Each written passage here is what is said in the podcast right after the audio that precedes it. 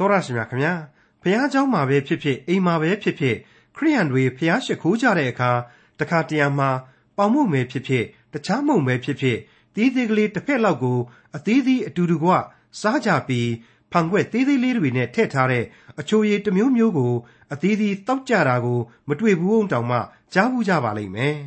ခရိယန်တွေဟာအတူတကွစုယုံပြီးအဲ့ဒီအမှုအရာကိုဘာကြောင့်ပြုကြပါသလဲ စားကြတဲ့မုံကဘယ်အရာကိုရည်ညွှန်းပြီးစပြည့်ရည်အမှတ်နဲ့တောက်ရတဲ့အချိုရည်ကဘာကိုရည်ညွှန်းပါသလဲအဲ့ဒီအကြောင်းအပြည့်အစုံကိုဒီကနေ့တင်ပြရသောတမချန်းအစီအစဉ်မှာလေ့လာမှာဖြစ်တဲ့ခရိယန်တမချန်းရဲ့ဓမ္မသစ်ကျမ်းပိုင်းတွေကကောရိန္သုဩဝါဒစာအခန်းကြီး7အခန်းငယ်18ကနေအခန်းငယ်34အထိမှာဖော်ပြထားပါတယ်။တချို့ခရိယန်အသင်းတော်အဖွဲ့အစည်းတွေဟာ ဘယ်လို့မှလေးစားကြည်ညိုစရာမကောင်းလောက်အောင်ကိုရှိနေကြတဲ့အဖြစ်အဲဒါကြောင့်ကောင်းတဲ့သူတွေကို ပေါ်လွင်ထင်ရှားစေဖို့အတွက်အသင်းတော်အဖွဲ့အစည်းခွဲရတာမျိုးတွေလည်းရှိတဲ့အကြောင်းဓာတ်ရိုက်ဖော်ပြထားတဲ့ကောရိန္သုဩဝါဒစာပထမဆုံးအခန်းကြီး7အခန်းငယ်18ကနေအခန်းငယ်34အထိကိုဒေါက်တာထွန်းမြတ်အေးကအခုလိုသုံးသပ်တင်ပြมาဖြစ်ပါတယ်မိษွေအပေါင်းတို့ကိုဒီကနေ့သင်သိရသောသမာကျမ်းစာသင်ခန်းစာများဟာ ထူးခြားဆန်းသစ်တဲ့ကန္တာတစ်ခုစီကိုအပြောင်းအလဲတစ်ခုအနေနဲ့ဆွဲခေါ်သွားရပါလိမ့်မယ်အဲ့ဒါကတော့ကယ်တင်ရှင်ရဲ့ညစာစားပွဲဆိုတဲ့ခေါင်းစဉ်နဲ့တင်ဆက်ရမယ့်အပိုင်းပါကျွန်တော်ပြောခဲ့တယ်လို့ဒီခေါင်းစဉ်ရုတ်တရက်ပြောင်းသွားတာဟာထူးခြားဆန်းသစ်ပြီးမနေဘူးလားတစ်ချိန်လုံးကောရိန္သုရဲ့အစားအသောက်တွေအဝတ်အစားတွေလင်ကန်းမယားကန်းစတဲ့လူမှုရေးပြဿနာတွေနဲ့လူမှုရေးအရှုပ်တော်ပုံတွေကိုသာကျွန်တော်တို့ကြားခဲ့ရပါတယ်တနည်းအားဖြင့်တော့ မြေရနံ့သင်းတဲ့အကြောင်းတွေကြီးဖိပြီးတော့ဖော်ပြနေရကနေအခုအပိုင်းမှာကျတော့ကဲတင်ရှင်ရဲ့ညစာစားပွဲကြီးတဲ့ထူးခြားတဲ့အပြောင်းအလဲကြီးဖြစ်သွားပြီ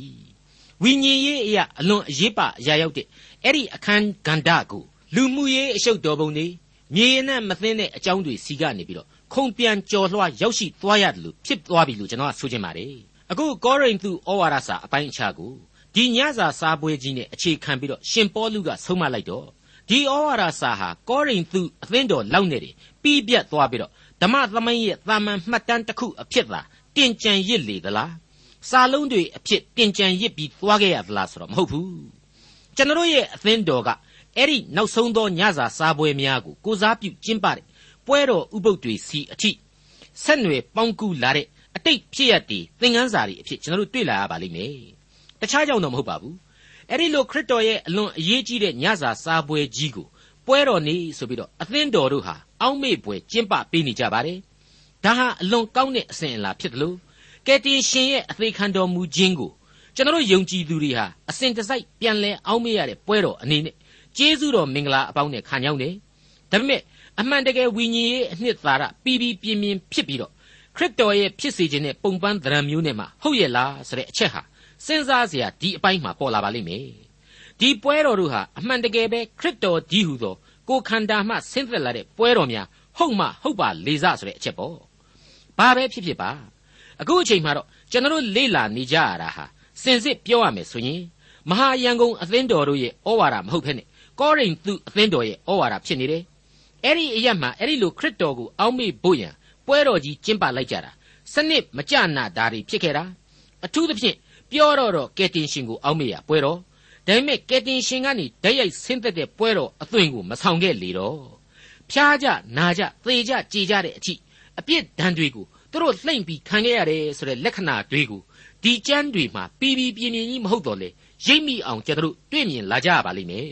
တနည်းအားဖြင့်ဆိုရင်တော့ဓာတ်ရိုက်မဟုတ်တော့လေသွယ်ဝိုက်သောနီးအားဖြင့်ကျွန်တော်တို့ညံကွန့်ပြီးတော့နှုတ်ကပတ်တော်ကနေထုတ်ဖော်နိုင်တဲ့အချက်တွေပေါ့မိษွေအပေါင်းတို့ခမညာ ကျွန်တော်ဟာမိမိတို့ရဲ့ဥပုပ်ပွဲတော်များကိုတကယ်ပဲကယ်တင်ရှင်သခင်ခရစ်တော်ကိုအောက်မေ့ဖို့ပွဲတော်အဖြစ်အစဉ်အလာရကျင့်ပဒါကတော့မငင်းနိုင်ပါဘူးဒါပေမဲ့အနှစ်သာရပါဝင်တယ်မပါဝင်ဘူးဆိုတာတွေ့ကိုဒီကနေ့သင်ခန်းစာအားလုံးနဲ့ကျွန်တော်တို့ဟာရှင်ပြိုင်အကဲဖြတ်သွားကြရမှာဖြစ်ပါလိမ့်မယ်ကောရိန္သုဩဝါဒစာအားဖြင့်ရယူတတ်တဲ့သင်ခန်းစာများပေါ့မိษွေအပေါင်းတို့ကျွန်တော်ဟာခရစ်ဝင်လေဂျန်စလုံးမှာခရစ်တော်ရဲ့နောက်ဆုံးသောညစာစားပွဲအကြောင်းကိုမြင်တွေ့ခဲ့ကြပြီးပါပြီ လေ့လာခဲ့ကြပြီးပါပြီအခုဒီဩဝါဒစာမှာတစ်ခါထပ်ပြီးတော့ထပ်ဆင့်ပြီးတော့တကြော့ပြန်မြင်ရပါအောင်တော့မယ်သေချာပြန်ပြီးတွေးလိုက်တော့ကယ်တင်ရှင်ရဲ့မွေးနေ့တော်ပွဲကိုသာမင်းတို့ကျင့်ပပြစ်အောင်ကျင့်ပကြမပြတ်မကွက်ခရစ်စမတ်ရောက်ရင်ကျင့်ပကြဆိုပြီးတော့ဘယ်ကျမ်းမှမှမတွေ့ရတာကယ်တင်ရှင်ရဲ့အသေးခံတော်မူခြင်းကိုတော့ပွဲတော်အဖြစ်မင်းတို့ကျင်းပကြအောက်မေ့ဖို့ရန်ဤသို့ပြုလုပ်ကြဆိုတာကတော့အမိန့်အဖြစ်အမှန်တကယ်တည်ကြံရစ်ခဲ့တယ်ဆိုတာကို ကျွန်တော်ဒီအပိုင်းမှာအလေးအနက်သတိပြုကြပါလိမ့်မယ်ထူးဆန်းမနေဘူးလားဒီပွဲတော်နဲ့ပတ်သက်ပြီးတော့အခန်းကြီး7ရဲ့အငယ်23ကိုကြိုပြီးတော့ကျွန်တော်ကပြောရမယ်ဆိုရင်အကြောင်းမူကားတင်တို့၌ငါအပ်ပေးသောအရာကိုသခင်ဖျားထံ၌ငါခံရပြီခံရသောအရာဟုမူကားသခင်ယေရှုသည်ယံသူလက်သို့အနှံခြင်းကိုခံရသောနေ့ညမှာမုံကိုယူ၍ကျေးဇူးတော်ကိုချီးမွမ်းပြီးမှဆိုတဲ့အချက်ကိုတွေ့ရပါတယ် အဲ့ဒီလိုထင်ထင်ရှားရှားပြက်ပြက်သားသားရေးသားခဲ့သူတမန်တော်ကြီးဟာအမှန်တော့ကယ်တင်ရှင်အဖမ်းခံရပြီးတော့အပြစ်စီရင်ခံရမယ့်ညစာစားပွဲမှာကိုယ်တိုင်ပါဝင်ခဲ့ရဘူးပါသလားမပါဝင်ခဲ့ရဘူးပါဘူးသူဟာချစ်တပြည့်တော်၁၂ပေါ်တဲမှာမပါဝင်ခဲ့တော့ဘယ်လုပ်ပြီးသူဒီညစာစားပွဲမှာပါဝင်မှာတော့အဲ့ဒီအချိန်မှာဆိုရင်သူဟာခရစ်တော်ကိုသတ်ဖို့အတွက်စိုင်းပြင်းနေတဲ့ဖာရိရှဲအုပ်စုတဲကဖာရိရှဲတယောက်သာဖြစ်ခဲ့တယ်ပြီးတော့ခရစ်တော်ရဲ့ယံသူလွတ်တော်မှာတောင်မှ မဲဆန္ဒပေးပိုင်ခွင့်ရှိတဲ့အဆင့်ရှိသူပြောရေးဆိုပိုင်ခွင့်ရှိသူလူရန်ကားကြီးတယောက်အဆင့်မှာပဲရှိခဲ့တယ်ဆိုတာကိုကျွန်တော်ဆင်ခြင်နှလုံးသွင်းထားကြရပါမယ်လိုအပ်တဲ့အခြေခံအချက်တွေအဖြစ်မှတ်ထားကြရပါမယ်ဘာပဲဖြစ်ဖြစ်သူဟာခရစ်တော်ရဲ့ဒီဖြစ်ရတွေ့ကိုဗျာဒိတ်တော်အဖြစ်ဓာတ်ရိုက်သိကျွမ်းနားလည်ခဲ့ရပါတယ်သူ့ယင်မှာခန်းစားထိတွေ့ခဲ့ရပါတယ်အဲ့ဒီလိုပါပဲ ခရစ်တော်ရဲ့အသေးခံတော်မူခြင်းကိုလေဗျာဒိတ်တော်အရာပဲဓာတ်ရိုက်သိခဲ့ရတယ်ဆိုတာကိုကောရိန္သုဩဝါဒစာပထမစာဆောင်ရဲ့အခန်းကြီး15အငယ်3ကျရင်အခုလိုတွေ့ရအောင်မှာပါငါသည်ကိုယ်တိုင်ခံယူသည့်အတိုင်းသင်တို့အားရှေးဥစွာအပ်ပေးသောအကြောင်းအရာဟူမူကားခရစ်တော်သည်ကျမ်းစာလာသည့်အတိုင်းငါတို့အပြစ်ကြောင့်အသေးခံတော်မူ၏သင်ကြိုပြီးမှသုံးရက်မြောက်သောနေ့၌ထမြောက်တော်မူ၏အဲ့ဒီဖော်ပြချက်တွေအပြင်တမန်တော်ကြီးရှင်ပေါလုဟာအမှန်တော့ ကယ်တင်ရှင်သခင်ခရစ်တော်ရဲ့နောက်ဆုံးညစာစားပွဲကြီးမှာမပါဝင်ခဲ့ရပါဘူးမတက်ရောက်ခဲ့ရပါဘူးဒါပေမဲ့အဲ့ဒီအကြောင်းတွေကိုသူ့ရဲ့နှလုံးသဲပွတ်မှားပင်လျှင်သူဟာတန်ရှင်းသောဝိညာဉ်တော်အားဖြင့်ထိတွေ့နေရတယ်နားလေနေရတယ်ဆိုတဲ့အချက်တွေဟာရှင်းရှင်းကြီးသဘောပေါက်နိုင်ပါတယ်မငင်းနိုင်တဲ့အဖြေတွေပဲဖြစ်တယ်လို့ကျွန်တော်ဆိုချင်ပါတယ်နောက်တစ်ချက်ကျွန်တော်တို့ထပ်မံမှတ်သားရမှာကတော့အဲ့ဒီလိုကနဦးခရိယန်ယုံကြည်သူတို့ရဲ့အချိန်ကာလမှာဒီကနေ့ကျွန်တော်တို့ကျင်းပတဲ့ ပွဲတော်ပုံစံမျိုးတော့အတိအကျမဆောင်ခဲ့ဘူးဆိုတဲ့အချက်ပါအဲ့ဒီအချိန်ကာလမှာဆိုရင်လေအိမ်တောင်စုတစ်ခုချင်းဖြစ်ချင်းဖြစ်မယ်ယုံကြည်သူတို့ရဲ့အစုအဖွဲ့ငယ်ကလေးများအဖြစ်ဖြစ်ချင်းဖြစ်မယ်ခရစ်တော်ရဲ့အသေးခံခြင်းနဲ့ဆိုင်ပြီးတော့အောက်မေ့ကြစီနိုင်ဖို့လွန်းဆွတ်နိုင်ကြစေဖို့စုယုံကြခြင်းကျေးဇူးတော်ကိုချီးမွမ်းပြီးတော့စားသောက်ခြင်းတည်ဖြစ်ခဲ့ရပါလိမ့်မယ်အဲ့ဒီလိုကယ်တင်ရှင်သခင်ခရစ်တော်ရဲ့အသေးခံတော်မူခြင်းကိုအောက်မေ့ဖို့ရန်ကျင့်ပရမှာဒီကနေ့အသင်းတော်တွေလို့လာစဉ် ဒါမှမဟုတ်ရင်တချို့အသင်းတော်တွေလို့အပတ်စဉ်မဟုတ်ဖ ೇನೆ နေ့စဉ်လည်းဖြစ်ကောင်းဖြစ်နိုင်လို့ကျွန်တော်တို့တွက်ဆနိုင်ပါတယ်တမန်တော်ဝတ္ထုအခန်းကြီး2အငယ်46နဲ့48ကိုပြန်ကြည့်ရင်ထိုသူတို့သည်လည်းဗိမာန်တော်၌နေ့တိုင်းအစဉ်တညီတညွတ်ကြီးနေ၍ကိုယ်အိမ်၌မုံကိုဖက်လျက်ကြည်ပြူရွှင်လန်းဝမ်းမြောက်သောစိတ်နှင့်အစာအာဟာရကိုသုံးဆောင်ကြ၏ဖျားသခင်ကိုလည်းချီးမွမ်း၍လူအပေါင်းတို့ရှေ့မှမျက်နှာပွင့်လန်းခြင်းအခွင့်ကိုရကြ၏ကဲတင်ခြင်းသို့ရောက်သောသူတို့ကိုလည်းနေ့စဉ်မပြတ် သခင်ဖျားသည်သင်းဝင်စေတော်မူ၏ဆိုပြီးတော့တက်သေးခံချက်တစ်ခုအဖြစ်ကျွန်တော်တို့ထင်ရှားစွာတွေ့ကြရပါတယ်ရှေးခေတ် Greek နိုင်ငံအေသင်မျိုးသားအဘိဓမ္မာပညာရှင် Aristotle ဆိုတဲ့ပုဂ္ဂိုလ်ကြီးရဲ့မှတ်တမ်းတွေအရသူရှင်သန်ခဲ့တဲ့ AD နှစ်ရာစုအတွင်းကယုံကြည်သူခရိယန်တွေဟာမနေ့စောစောအချိန်ကစပြီးတော့နာယီပေါင်းများစွာအတွင်းမှာဖျားသခင်ရဲ့ကောင်းမြတ်တော်မူခြင်းကိုသီးသန့်အချိန်ပေးစဉ်းစားကြတယ်ဆိုတာပေါ်လာတယ်။ ဒါအပြင်ယုံကြည်သူခရိယန်ခေါင်းဆောင်ပိုင်းကပုဂ္ဂိုလ်ကြီးတွေကွယ်လွန်တဲ့အချိန်မှလေလူသားတွေဟာငိုကြွေးမြည်တမ်းမဲ့အစားကျေးဇူးတော်ကိုသာချီးမွမ်းကြတယ်ဆိုတာကိုရှင်းရှင်းကြီးဖော်ပြသွားခဲ့ပါတယ်။အထူးသဖြင့်အရွယ်မရောက်သေးတဲ့ကလေးလေးတွေကွယ်လွန်သွားပြန်ရင်လေကလေးသူငယ်တဲ့ဟာအပြစ်ကင်းစင်တဲ့ဖန်ရှင်းသူကလေးတွေဖြစ်တဲ့အတွက်ကြောင့်ဖျားသခင်နဲ့ဓာတ်ရိုက်ထိတွေ့ခွင့်ရရှိခြင်းဖြစ်တယ်ဆိုပြီးတော့ပို့ပြီးတော့တောင်မှကျေးဇူးတော်ကိုချီးမွမ်းခံယူကြတယ်ဆိုပြီးတော့ဖော်ပြထားတာတွေ့ရပါတယ်။ ရှေးခေတ်ကနဦးအသင်းတော်တို့ရဲ့အံ့ဘွယ်သောယုံကြည်ခြင်းခွန်အားပေါ့။တကယ်တော့ခရစ်တော်ရဲ့အသေးခံကန်ဤညစာစားပွဲကြီးဟာပတ်သက်ခါပွဲတော်ဆိုတဲ့အသွေးနဲ့အသက်ကိုရွေးချယ်ပေးခြင်းပွဲတော်ကြီးအထိတ်အမှတ်ညစာစားပွဲကြီးကိုကိုစားပြုခဲ့တဲ့ပွဲသာဖြစ်ပါတယ်။အဲဒီလိုခရစ်တော်ရဲ့ညစာစားပွဲဟာမူလပတ်သက်ခါဆိုတဲ့ပွဲတော်ကိုတဖြည်းဖြည်းအယောင်မှိန်သွားစေခဲ့တယ်။ပြည့်ညတ်တော်များနဲ့ပြတ်သလာတဲ့ကျေးဇူးတော်ညစာစားပွဲကြီးကနေပြီးတော့မှ အဲ့ဒီပွဲတော်ကြီးကဆောင်ယူပြသခဲ့တဲ့အတိတ်နမိတ်ဖြစ်တဲ့ကယ်တင်ရှင်ရဲ့အသွေးတော်နဲ့လူသားတွေရဲ့အသက်ကိုကယ်တင်ခြင်းဆိုတဲ့တရားကသာလျှင်ပို့ပြီးအားသာလာစေခဲ့ပါတယ်။ဒါဟာကျွန်တော်လူသားလုပ်တာမဟုတ်ပါဘူး။သမိုင်းလုပ်တာမဟုတ်ပါဘူး။ဖျားသခင်ကိုတော်တိုင်ရဲ့အလိုတော်ပေါ့ကောင်းကင်နိုင်ငံတော်စီမံကိန်းပေါ့အဲ့ဒီနီးအားဖြင့်ဒီကနေ့တည်းအထိနှစ်စဉ်နှစ်တိုင်း Easter ဆိုတဲ့ရှင်ပြန်ထမြောက်ရာနေ့အပါအဝင်လစဉ်ပွဲတော်များကိုကျွန်တော်ဟာဝင်ရောက်ပြီးတော့အသက်ရှင်တော်မူသောခရစ်တော်ကို ကျွန်တော်အောက်မေ့သတိရကြပါတယ်ကျေးဇူးတော်ကိုပြန်လှန်ချီးမွမ်းနေကြပါတယ်အမှန်တော့ခရစ်တော်ဆိုတဲ့ကယ်တင်ရှင်ရဲ့ရှေ့တော်မှောက်မှာဒုထောက်ဝင်ရောက်ရာပွဲများဖြစ်ပါတယ်ကျွန်တော်အခုကဘာပေါ်မှာအေယာမခေါင်းဆောင်ကြီးတွေရဲ့ရုပ်ထုတွေကိုကြေးရုပ်ထုတွေကြောက်ရုပ်ထုကြီးတွေအဖြစ်သွန်းလောင်းပြီးတော့အမှတ်တရစိုက်ထူတတ်ကြပါတယ်ဘာကြီးပြောပြောအချိန်တန်တော့လေဒီရုပ်ထုတွေဟာပြိုကျပျက်စီးကုန်ကြမှာမလွဲဧကန်အမှန်သေးကြဖြစ်ပါတယ်ခရစ်တော်အဖို့ကတော့အဲ့ဒီလိုမာကျောတဲ့ကြေးသတ္တုတွေ ကြောက်ရုပ်ထုတွေလိုရုပ်ထုတွေတီထားเสียကိုးကွယ်เสียမလိုပါဘူးခရစ်တော်ရဲ့ခန္ဓာကိုယ်နဲ့တူတဲ့မုံကိုဖဲ့တယ်ပြီးတော့ခရစ်တော်ရဲ့အသွေးကိုကိုစားပြုတဲ့စပြည့်ရည်ကိုတငုံတောက်တယ်ဆိုတဲ့ယုံကြည်လူသူလူသားတွေရဲ့အာယုံတဲမှာဘယ်ကြောက်ရွံ့ဘယ်ကြေးရုံမှမလိုဘူးဘယ်တော့မှပျောက်ပြက်ခြင်းမရှိဘဲနဲ့ကဲတင်ရှင်သခင်အဖြစ်အစဉ်အမြဲတွေ့မြင်နေကြရမှာဖြစ်ပါတယ်အာယုံခံစားနေကြရမှာဖြစ်ပါတယ်ကျေးဇူးတင်နေကြရမှာဖြစ်ပါတယ် အဲ့ဒီလိုယုံကြည်သူလူသားတွေဟာလေကမ္ဘာလူဦးရေတဲမှာဆိုရင်ဒီကနေ့35ရာခိုင်နှုန်းမကဖြစ်တဲ့အတွက်ကြောင့်ကမ္ဘာမှာအများဆုံးလူပြိဿဖြစ်နေပါပြီကယ်တင်ရှင်ရဲ့ကျေးဇူးတော်ညစာစားပွဲကြီးနဲ့ပတ်သက်ပြီးတော့အဲ့ဒီအချိန်ကာလကောရိန္သုအသင်းတော်နဲ့ပတ်သက်ပြီးတော့အသေးစိတ်ရှင်ပေါလုဆိုခဲ့ဓာတ်တွေကိုအခုဖတ်ရှုရင်းနဲ့သင်ခန်းစာအသစ်များကိုထုတ်နှုတ်ရယူကြည့်ကြပါစို့ကောရိန္သုဩဝါဒစာပထမစာဆောင်အခန်းကြီး7အငယ်16တဖန်တုံး သင်တို့သည်အကျိုးကိုပြုစုခြင်းဟာစီဝေးကြသည်မဟုတ်အကျိုးကိုနည်းစေခြင်းဟာစီဝေးကြသည်ဖြစ်၍ငါသည်ပြည့်ညတ်ထားစဉ်တွင်သင်တို့ကိုမချီးမွမ်းရမိษွေတို့ခမညာ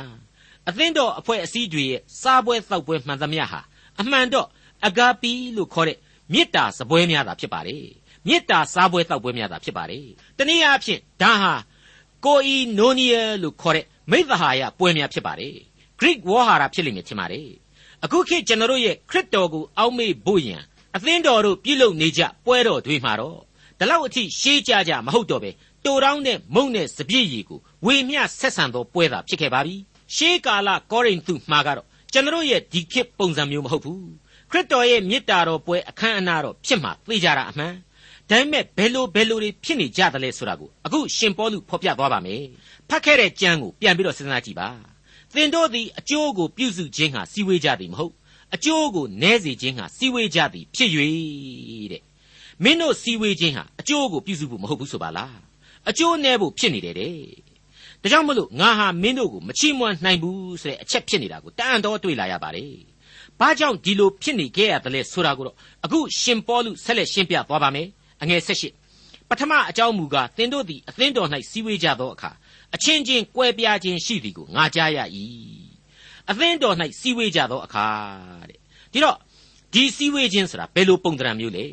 စုလစ်မွန်းကြွန်တဲ့အဆောက်အုံကြီးတွေကိုမဆိုလိုပါဘူးခေါင်းလောင်းတန်တွေတိခတ်ရအရက်ကိုသီးသန့်မဆိုလိုပါဘူးစုဝေးခြင်းဆိုတဲ့လူသားတို့ပေါင်းစုံခြင်းကိုသာအတိကဥတီထားတာတွေ့ရပါတယ်အဲ့ဒီလိုလူသားတို့စုယုံခြင်းကသာအသင်းတော်အစ်စ်အမှန်ဖြစ်ပါတယ်ကျွန်တော်တို့လူသားတွေကတော့ငါတို့ကနှစ်ချင်းအသင်းတော်ငါတို့က Methodist အသင်းတော် ဒါမှမဟုတ်ရင်လည်းငါတို့က Anglican နေ Presbyterian နေ Nazarene အသင်းတော်သားတွေ AG အသင်းတော်သားတွေစသဖြင့်ကင်မွန်းတက်ပြီးတော့ခွဲခြားနေပြီမေတနည်းအားဖြင့်တော့ဆိုင်းဘုတ်တွေအဆောက်အုံပုံသဏ္ဍာန်တွေကိုသာအရင်ဆုံးမြင်နေကြပြီမေအမှန်တော့ယုံကြည်သူလူသားများကသာလျှင်အသင်းတော်ဖြစ်ပါလေအဲ့ဒီလူသားတွေဖြစ်တဲ့ကောရိန္သုအသင်းတော်ဟာကွဲပြားခြားနာခြင်းတည်ရှိနေတယ်ဆိုပါလားဟုတ်ပြီဒါဆိုရင်အိုးချမ်းဘဲ့ကြီးတွေနဲ့ ဟန်မပြက်လာပေါင်းထားတဲ့အိုးစုပ်ကြီးနဲ့တူနေပြီရေထဲလို့မရတော့ဘူးအငယ်၁၉ကြားရသည့်အတိုင်းမှန်ကောင်းမှန်လိမ့်မည်အကြောင်းမူကားတင်တို့တွင် ကောင်းမွန်သောသူတို့ကိုထင်ရှားစိမ့်သောငါသင်ခွဲခြင်းရှိရမည်ဒီအချက်ဟာဘာကိုသဘောပေါက်သလဲဆိုရင်ဘာကိုသဘောပေါက်လာစေသလဲဆိုရင်အသင်းတော်ဝင်သူတိုင်းကိုအထင်မကြီးနဲ့တချို့ဟာဝင်ထိုင်သူတွေသာဖြစ်တယ်ခရစ်တော်၌တီတီတန့်တန့်တီတီငြိမ်ငြိမ်မရှိတာတွေကိုတွေ့ရတယ်ဆိုတဲ့အချက်ပါပဲ ဒီဝေဖန်ချက်ဟာပြောင်မကြလို့မူလားပွင့်ပွင့်လင်းလင်းရှင်းရှင်းလင်းလင်းဖော်ပြရမယ်ဆိုရင်တော့အခုခေတ်စကားနဲ့ဆိုရင်ပြောတာပါနှစ်ချင်းမင်္ဂလာကိုခံယူပြီးတော့အသင်းတော်ကသင်းအုပ်ဆရာကလက်ဆွဲနှုတ်ဆက်ပြီးတော့တိချင်းစာအုပ်နဲ့ကျမ်းစာအုပ်ကလေးပေးတဲ့အချိန်မှာလက်ခံထားတဲ့လူတွေတောင်ပါနိုင်တယ်သာမန်အသင်းဝင်နဲ့ဗတ္တိဇံခံယူထားတယ်ဆိုတဲ့လူမျိုးတွေပေါ့ဒီတော့အဲ့ဒီလိုသာအုပ်အယောယောကြောက်အယောယောတွေဖြစ်နေမယ်ဆိုရင်တနည်းအားဖြင့် အမိတညာအားဖြင့်သာခရိယံဖြစ်လာတယ်ယုံကြည်ခြင်းတည်တည်တတ်တတ်မရှိဘူးမခိုင်မာဘူးဆိုရင်ပြောတာပါအဲ့ဒီလိုသာဖြစ်နေကြမယ်ဆိုရင်တော့အသင်ခွဲခြင်းရှိရမည်တဲ့ရှင်ပေါလုကပြစ်ပြစ်နစ်နစ်ပဲသူဆုံးမလိုက်တယ်အငယ်20ကိုဆက်ကြည့်ပါသင်တို့သည်အတူစည်းဝေးကြသောအခါသခင်ဖျား၏ပွဲတော်ကိုစားအံ့သောငါစည်းဝေးကြသည်မဟုတ်ဖျားသခင်ကိုတော့ခေါင်းစဉ်တတ်ထားကြတာအမှန်အသင်းတော်ရဲ့အရေးအာဝါသမှာစုံစည်းကြတယ်ဆိုတာလည်းဧကန်အမှန်ပဲ ခရစ်တော်ကိုယုံကြည်သူများလို့လည်းဆိုလို့ရတယ်ဒါပေမဲ့တို့တွေစုဝေးပြီးတော့စားကြတောက်ကြမယ်ပွဲတော်တည်ကြမယ်လို့သာပြောနေတယ်ဖျားသခင်ရဲ့ပွဲတော်ကိုစားဖို့ဆိုပြီးတော့ပီပီပြင်းပြင်းယုံယုံကြည်ကြည်ဆုံးကြတာမဟုတ်ဘူးတဲ့အံ့ဩဖို့မကောင်းဘူးလားအခုကောရိန္သုဩဝါဒစာပထမစာဆောင်အခန်းကြီး7အငယ်21နဲ့22ကိုဆက်လက်နားဆွင့်ကြည့်ကြပါအကြောင်းမူကားသင်တို့သည်စားကြသည်တွင်ကိုစီကိုစီမိမိအစာကိုအရင်ယူ၍တချို့ကဆာမွတ်လျက် တချို့ကစားတော့ကျူးလျက်ရှိကြ၏သင်တို့သည်စားတော့ရာဖို့ကိုယ်အိမ်မရှိသလောသို့မဟုတ်လျင်ဘုရားသခင်၏အသင်းတော်ကိုမထီမဲ့မြင်ပြု၍ဆင်းရဲသောသူတို့ကိုရှက်ကြောက်စေသလောအဘယ်သို့ငါဆိုရမည်နည်းဤအမှုမှာသင်တို့ကိုချီးမွမ်းရမည်လောမချီးမွမ်းရဖြစ်ချင်တိုင်းဖြစ်နေတဲ့ဆိုတဲ့သဘောကိုရှင်ပေါလုပြောလိုက်တယ်တချို့ကငတ်နေကြတယ်ဒါကြောင့်အသင်းတော်ကခရစ်တော်ရဲ့ပွဲတော်ကိုလာပြီးတော့အငမ်းမရစားတဲ့စားတဲ့နေရာမှာလေတချို့ကအမှန်တကယ်မှမဆင်းရဲဘူး အိမ်မှာလည်းအစားရတာဒါပေမဲ့အဖွဲလိုက်အပျော်သဘောမျိုးဝင်ပြီးစားကြတဲ့သဘောမျိုးအဲ့လိုရှိတဲ့လူတွေကျတော့ကြက်ကြော်ကြီးတွေဒံပေါက်တွေနဲ့အစီရစ်ပြီးတော့အိမ်ကယူလာတဲ့ဂျိုင်းတွေထဲကနေဖွင့်ပြီးစားကြတယ်နဘေးကဝင်နှိုက်မှာစိုးလို့မသိမသာလေးဖုံးထားရကြတယ်ကိုကောင်းကောင်းစားရရင်ပြီးရောဆိုတဲ့သဘောတချို့ဆင်းရဲသားများကျတော့လေနီးရငပိခွက်ကိုပဲအလူအယက်ဝင်ပြီးတော့နှိုက်စားကြတယ်နောက်ကြရင်ငတ်မှာစိုးလို့တဲ့အဲ့ဒီတော့မှန်ကန်တဲ့မိသဟာယဖွဲ့ခြင်းဖြစ်မလာဘူး ဖျားသခင်ရဲ့အသင်းတော်တို့ရဲ့ဖျားသခင်ရဲ့အသေးခံတော်မူခြင်းကိုအောက်မေ့ပွဲပွဲတော်ကြီးဖြစ်မလာခဲ့ပါဘူးအဲ့ဒီလိုဖြစ်နေမဲ့အစားကတော့ကိုမိသားစုနဲ့ကိုအိမ်မှာပဲတိုးတိုးတိတ်တိတ်သာစားကြပါတဲ့ရှင်ပေါလုကအခုပြောလိုက်ပြီပိတ်တလေးနဲ့ဘေးပြစ်လို့ပိတ်ပြောပြတာရှိတဲ့လူကမတထာတော့မရှိတဲ့လူကငတ်မရှိတဲ့လူကအလူအယက်စားတော့လက်နေတဲ့လူတွေကငတ်ဆိုတာမျိုးမဖြစ်သင့်ဘူးအဲ့ဒီအထဲမှာမှဆိုးတာတခုကိုလည်းမသိမသာဖော်ပြထားသေးတယ်စားတော့ကျူးတယ်တဲ့ အတိတ်ပဲကတော့ခါးကြားထဲမှာအသင်းတော်ထဲရောက်တဲ့အထိမသိမသာပလင်းထိုးလာတဲ့သဘောပဲလူလစ်တန်တဲ့ကြပြားကြရမော့ပြီးတော့မူးနေတဲ့သဘောကိုဆိုလိုတာအဲ့ဒါဒီကြောင့်ဒီအမှုမှာသင်တို့ကိုငါဘယ်လိုမှမချီးမွမ်းနိုင်ပါဘူးဆိုပြီးတော့ရှင်ပေါလုကပြစ်ပြစ်နဲ့နဲ့ဝေဖန်လိုက်ပါတယ်နောက်ဆုံးရှင်ပေါလုဟာကောရိန္သုအသင်းတော်ကိုအပြစ်တင်လိုက်ခြင်းပါပဲဟုတ်ပါတယ်မိတ်ဆွေအပေါင်းတို့အဂါပီဆိုတဲ့ဝေါဟာရအရာဖျားသခင်ဂျေဇုတော်ကိုဥတီရမယ်ပွဲလမ်းမှာဖျားသခင်ကပျောက်နေပြီးတော့ ကိုယ့်ရဲ့ဇာတိပဂရိအတွေးအခေါ်တွေကရှေ့တန်းမှာရောက်နေပြီဆိုရင်ကိုယ့်ရဲ့မာမာနသဘောတရားတွေလောဘမောဟတာတွေကရှေ့တန်းရောက်နေပြီဆိုရင်ဒီတန်ရှင်းစင်ကြယ်တဲ့ပွဲတော်ရဲ့အနှစ်သာရတွေဟာအကုန်လုံးဖွာလန်ကျဲသွားမှာအမှန်ပဲလို့ကျွန်တော်သတ်မှတ်ရပါလိမ့်မယ်ရှင်ပေါလုအတွက်ဗျာဒိတ်ဆိုတဲ့ခေါင်းစဉ်နဲ့အခုဆက်လက်ပြီးတော့ကျွန်တော်တင်ပြเสียရှိနေပါတယ်အဲ့ဒါကတော့ကောရိန္သုဩဝါဒစာပထမစာဆောင်အခန်းကြီး7အငယ်23ကနေစတင်ရပါလိမ့်မယ်အငယ်23မှ25 အကြောင်းမူကားသင်တို့၌ငါအပ်ပေးသောအရာကိုသခင်ဖျားထံ၌ငါခံရပြီခံရသောအရာဟုမူကားသခင်ယေရှုသည်ရန်သူလက်သို့အနှံခြင်းကိုခံရသောနေ့ညမှာမုံကိုယူ၍ကျေးဇူးတော်ကိုချီးမွမ်းပြီးမှမုံကိုဖဲ့၍ဤမုံကသင်တို့အဖို့အလို့ငါချိုးဖဲ့သောငါ၏ကိုဖြစ်၏ယူ၍စားကြလော့ငါကိုအောင်းမေ့ဖို့ရာဤသို့ပြုကြလော့ဟုမိန့်တော်မူ၏ထိုနည်းတူညစာစားပြီးမှခွက်ကိုလည်းယူ၍ဤခွက်ကငါ၏အသွေး၌တည်သောဗြိညင်တရားသစ်ဖြစ်၏ ဤခွက်ကိုတောက်သောအခါကငါကိုအောင်းမေ့ဖို့ရာတောက်ကြလော့ဟုမိန့်တော်မူ၏အခုတမန်တော်ကြီးရှင်ပေါလုရဲ့ဩဝါဒစာမှာဖော်ပြလိုက်တာကတော့ကယ်တင်ရှင်သခင်ခရစ်တော်ရဲ့အသေးခံတော်မူခြင်းနဲ့သက်ဆိုင်တဲ့ညအချိန်မြင်ကွင်းပဲဖြစ်ပါတယ်ကျွန်တော်ပြောခဲ့သလိုအဲ့ဒီအချိန်မှာပေါလုဟာဒီညစာစားပွဲရဲ့ဧည့်သည်တယောက်အရှင်းမဟုတ်ခဲ့ပါဘူးဒါအပြင်အလွန်ကြောက်စရာကောင်းတဲ့စာရမဏေရဲ့ဘက်တော်သားတက်တက်မျှတာဖြစ်ခဲ့ပါတယ်သူအခုလိုချေမှုန်းဓာတွေဟာခ ရစ်တော်ရဲ့ဗျာဒိတ်ယူပါယုံတွေအားဖြင့်သာဖြစ်ပါတယ်ဝိညာဉ်တော်ရဲ့တကောအာနုဘော်တော်တက်တက်အားဖြင့်သာလည်းဖြစ်ပါတယ်ပြန်ပြီးတော့အတိတ်ကိုကျွန်တော်စဉ်းစားလိုက်မယ်ဆိုရင်အဲ့ဒီအချိန်ဟာအလွန်နဲ့ဆိုင်တဲ့ညအခါသမယဖြစ်ပါတယ်ဒီညစာစားပွဲကြီးကိုပြင်ဆင်စေသူဟာကယ်တင်ရှင်သခင်ခရစ်တော်ကိုတော်တိုင်ဖြစ်ခဲ့တယ်ဆိုတာကိုလေကျွန်တော်ဟာခရစ်ဝင်ကြံများအရာသိရှိခဲ့ကြပြီဖြစ်ပါတယ်ဒါကိုကျွန်တော်ရဲ့နှလုံးသဲပွတ်မှာကျွန်တော်အစဉ်တစိုက်မှတ်ကျုံထားရမှာပါ ရန်သူလက်သို့အနှံခြင်းခံရသောနေ့ညမှာဆိုတဲ့အတိုင်းကျင့်ပလိုက်တဲ့အချိန်ကာလဟာညအချိန်ဖြစ်ပါလေအဲ့ဒီအကာလလို့ဆိုနိုင်တဲ့သွေးလန့်ခြောက်ခြားပွဲအချိန်ကာလမှာခရစ်တော်အဖို့စာရမဏတ်နဲ့လက်ဝေခံသေမင်းအဖွဲ့သားတွေဟာအဲ့ဒီအရက်မှာပတ်ချလဲလို့နေခဲ့ပြီဖြစ်ပါတယ်အဲ့ဒီလိုသူတို့ကပတ်ချလဲနေတာကိုကောင်းကောင်းကြီးသိထားတဲ့ကယ်တင်ရှင်ဟာအလွန်အံ့ဖွယ်သောအမှုကိုပြုလိုက်ပါတယ်အဲ့ဒါကတော့မုံကိုယူ၍ကျေးဇူးတော်ကိုချီးမွမ်းလိုက်ခြင်းပါပဲမိတ်ဆွေအပေါင်းတို့ခမညာ လောကရန်ဆင်းရဲခြင်းကိုဖိစည်းတဲ့လူဘဝအလယ်မှာတစ်မုံကိုယူ၍ကျေးဇူးတော်ကိုချီးမွမ်းတယ်နှစ်မုံကိုဖဲ့တယ်ဒီအချက်တွေဟာအလွန်တရာကြီးမားတဲ့ဝိညာဉ်ရေးအတိတ်ပဲတွေကိုစောင့်နေတယ်ဆိုတာမိတ်ဆွေတို့မမေ့ကြပါနဲ့ဂိုင်းကနတွေအသီးသီးဟာသူ့အစဉ်အလာနဲ့သူဒီမုံကိုဖဲ့တယ်မဖဲ့ဘူးစသဖြင့်အမျိုးမျိုးရှိနေပါတယ်ဒါတွေဟာဘာမှအရေးမကြီးပါဘူးခရစ်တော်ကတော့အဲ့ဒီလိုမုံကိုဖဲ့ခြင်းအပြင်သူ့ရဲ့ကိုယ်ခန္ဓာဟာကြေပြက်ရတော့မယ်ဆိုတာကိုသာ သိစေလိုက်ခြင်းဖြစ်ပါတယ်အဲ့ဒီလိုမုံကိုချိုးဖဲ့၍ဆိုတာကိုရှင်ပေါလုထည့်သွင်းတာဟာမညီမညွတ်မမျှမတဖြစ်နေတဲ့ကောရိန္သုအသင်းတော်အတွက်လေမျှဝေယူသင့်ခြင်းအချင်းချင်းကြားမှာကွဲပြားခြားနာသွားရခြင်းဆိုတဲ့အချက်တွေကိုကိုစားပြုလေသလောဆိုပြီးတော့ဓမ္မဆရာဘင်္ဂယ်ဆိုတဲ့ပုဂ္ဂိုလ်ကြီးကမေကွန်းထုတ်ထားတာကိုဒီနေရာမှာကျွန်တော်ထည့်သွင်းတင်ပြလိုပါတယ်ပြီးတဲ့နောက်မှာတော့ခွက်ကိုလည်းယူ၍ကျေးဇူးတော်ကိုချီးမွမ်းခြင်းဆိုတာကိုကျွန်တော်ဆက်ပြီးတွေ့ရပါတယ် တချို့ကဒီခွက်ထဲမှာဝိုင်သို့မဟုတ်အရက်ချူဖြစ်တယ်လို့ယူဆပါတယ်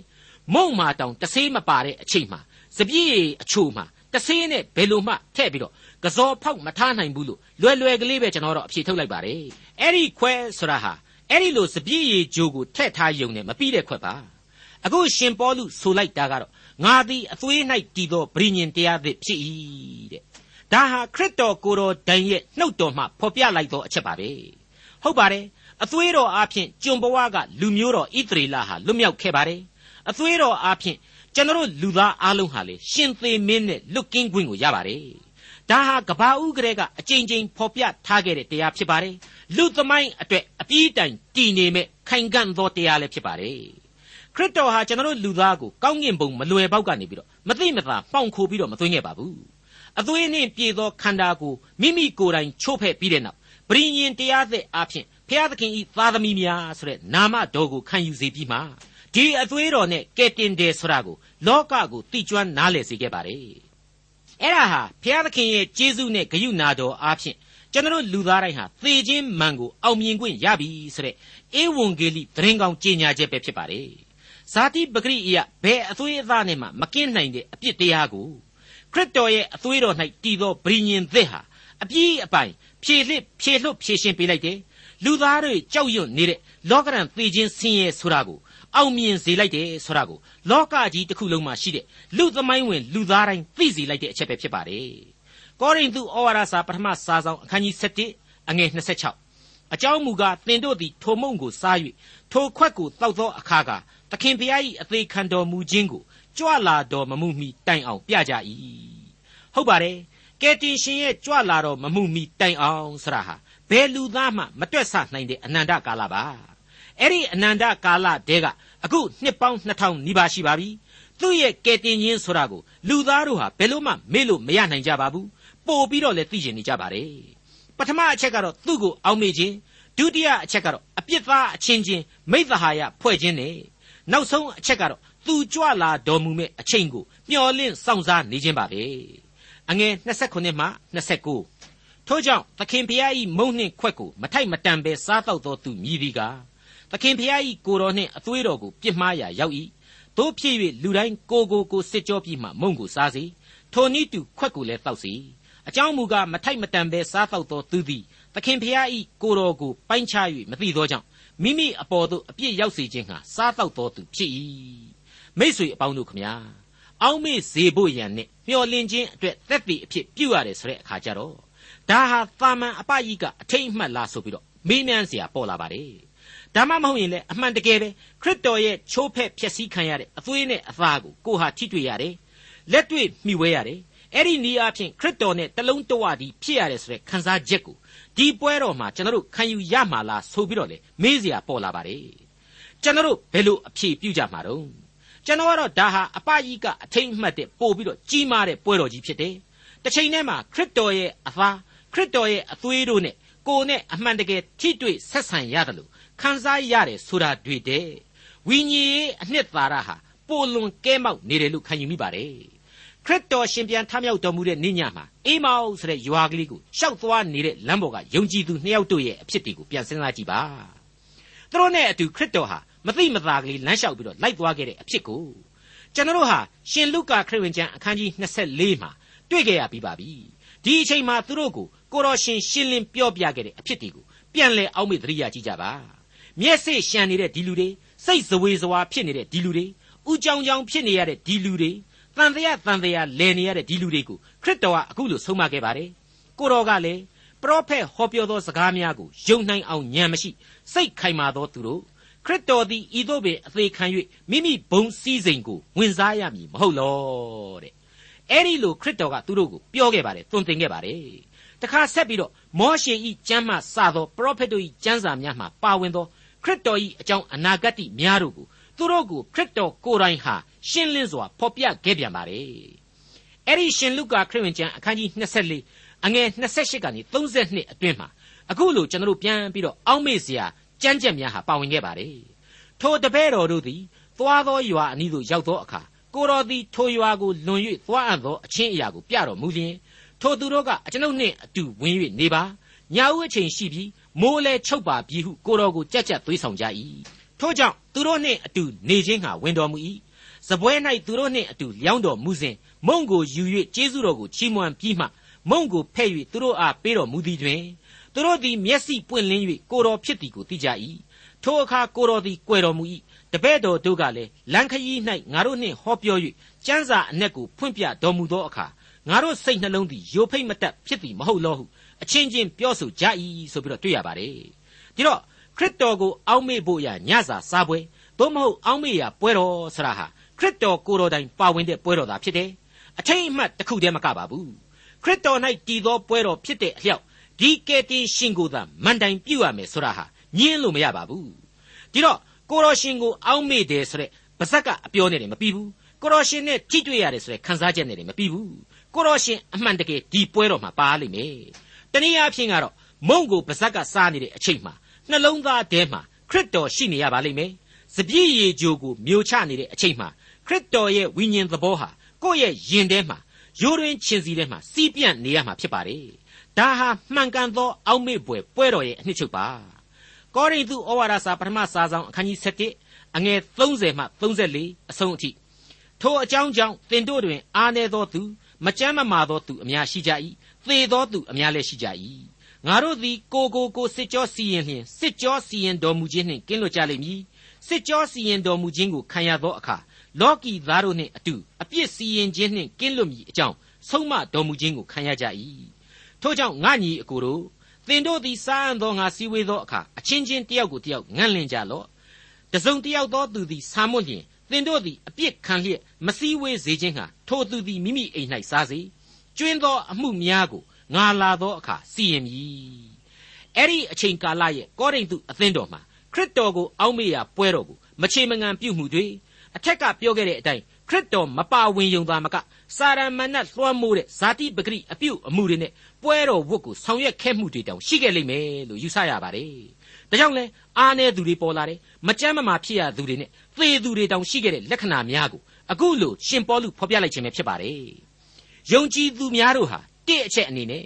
ကိုယ့်ကိုယ်ကိုစစ်ကြောစီရင်ဖို့လိုပါတယ်။နှစ်အချက်အနေနဲ့ကတော့ဘုရားသခင်ထံမှာစစ်ကြောစီရင်ခြင်းကိုခံယူကြရပါလိမ့်မယ်။အဲ့ဒီအခါမှာတော့အခြားသောလောကီအပြစ်တရားများရဲ့စီရင်ခြင်းဒဏ်ကိုရှောင်ကွင်းနိုင်မယ်မှုချဆိုတာကိုရှင်ပေါလုအထူးပြုဖော်ပြလိုက်ပါတယ်။ဏီကုန်းချုပ်အနေနဲ့ကတော့ ပေါလုဟာကောရိန္သုအသင်းတော်မှာအားနည်းချက်အပြစ်တွေအများကြီးရှိနေသေးတယ်ဆိုတာကိုဖော်ပြလိုက်ပါတယ်။ဒါတွေကိုသူကိုယ်တိုင်လာရောက်ပြီးတော့မှစီရင်မယ်ဆိုပြီးတော့လည်းဖော်ပြလိုက်ပါတယ်။ဒီစီရင်ခြင်းဆိုတာဟာခရစ်တော်ရဲ့အခွင့်အာဏာနဲ့တန်ရှင်းသောဝိညာဉ်တော်လမ်းပြခြင်းနဲ့အညီအမှားတွေကိုပဲ့ပြင်ပေးဖို့ရန်အတွက်ဆက်လက်ဆုံးမသွန်သင်အောင်မယ်ဆိုတာကိုတမန်တော်ကြီးဖော်ပြလိုက်ခြင်းဖြစ်ပါတယ်။ကောရိန္သုအသင်းတော်ရဲ့ယုံကြည်သူအဖွဲ့အစည်းများမှတဆင့် ကျွန်တော်ကျမတို့အဖို့လိုအပ်နေတဲ့စစ်မှန်သောဝိညာဉ်ရေးအသိနဲ့သတိတရားများပွားများနိုင်ကြပါစေ။ဒေါက်တာထွန်းမြတ်ရေးစီစဉ်တင်ဆက်တဲ့တင်ပြတော်တမချန်းအစီအစဉ်ဖြစ်ပါတယ်။နောက်တစ်ချိန်အစီအစဉ်မှာခရိယန်တမချန်းဓမ္မသစ်ကျမ်းပိုင်းတွေကကောရိန္သုဩဝါဒစာပထမဆုံးအခန်းကြီး7အခန်းငယ်1ကနေအခန်းငယ်7အထိကိုလေ့လာမှာဖြစ်တဲ့အတွက်စောင့်မျှော်နားဆင်နိုင်ပါတယ်။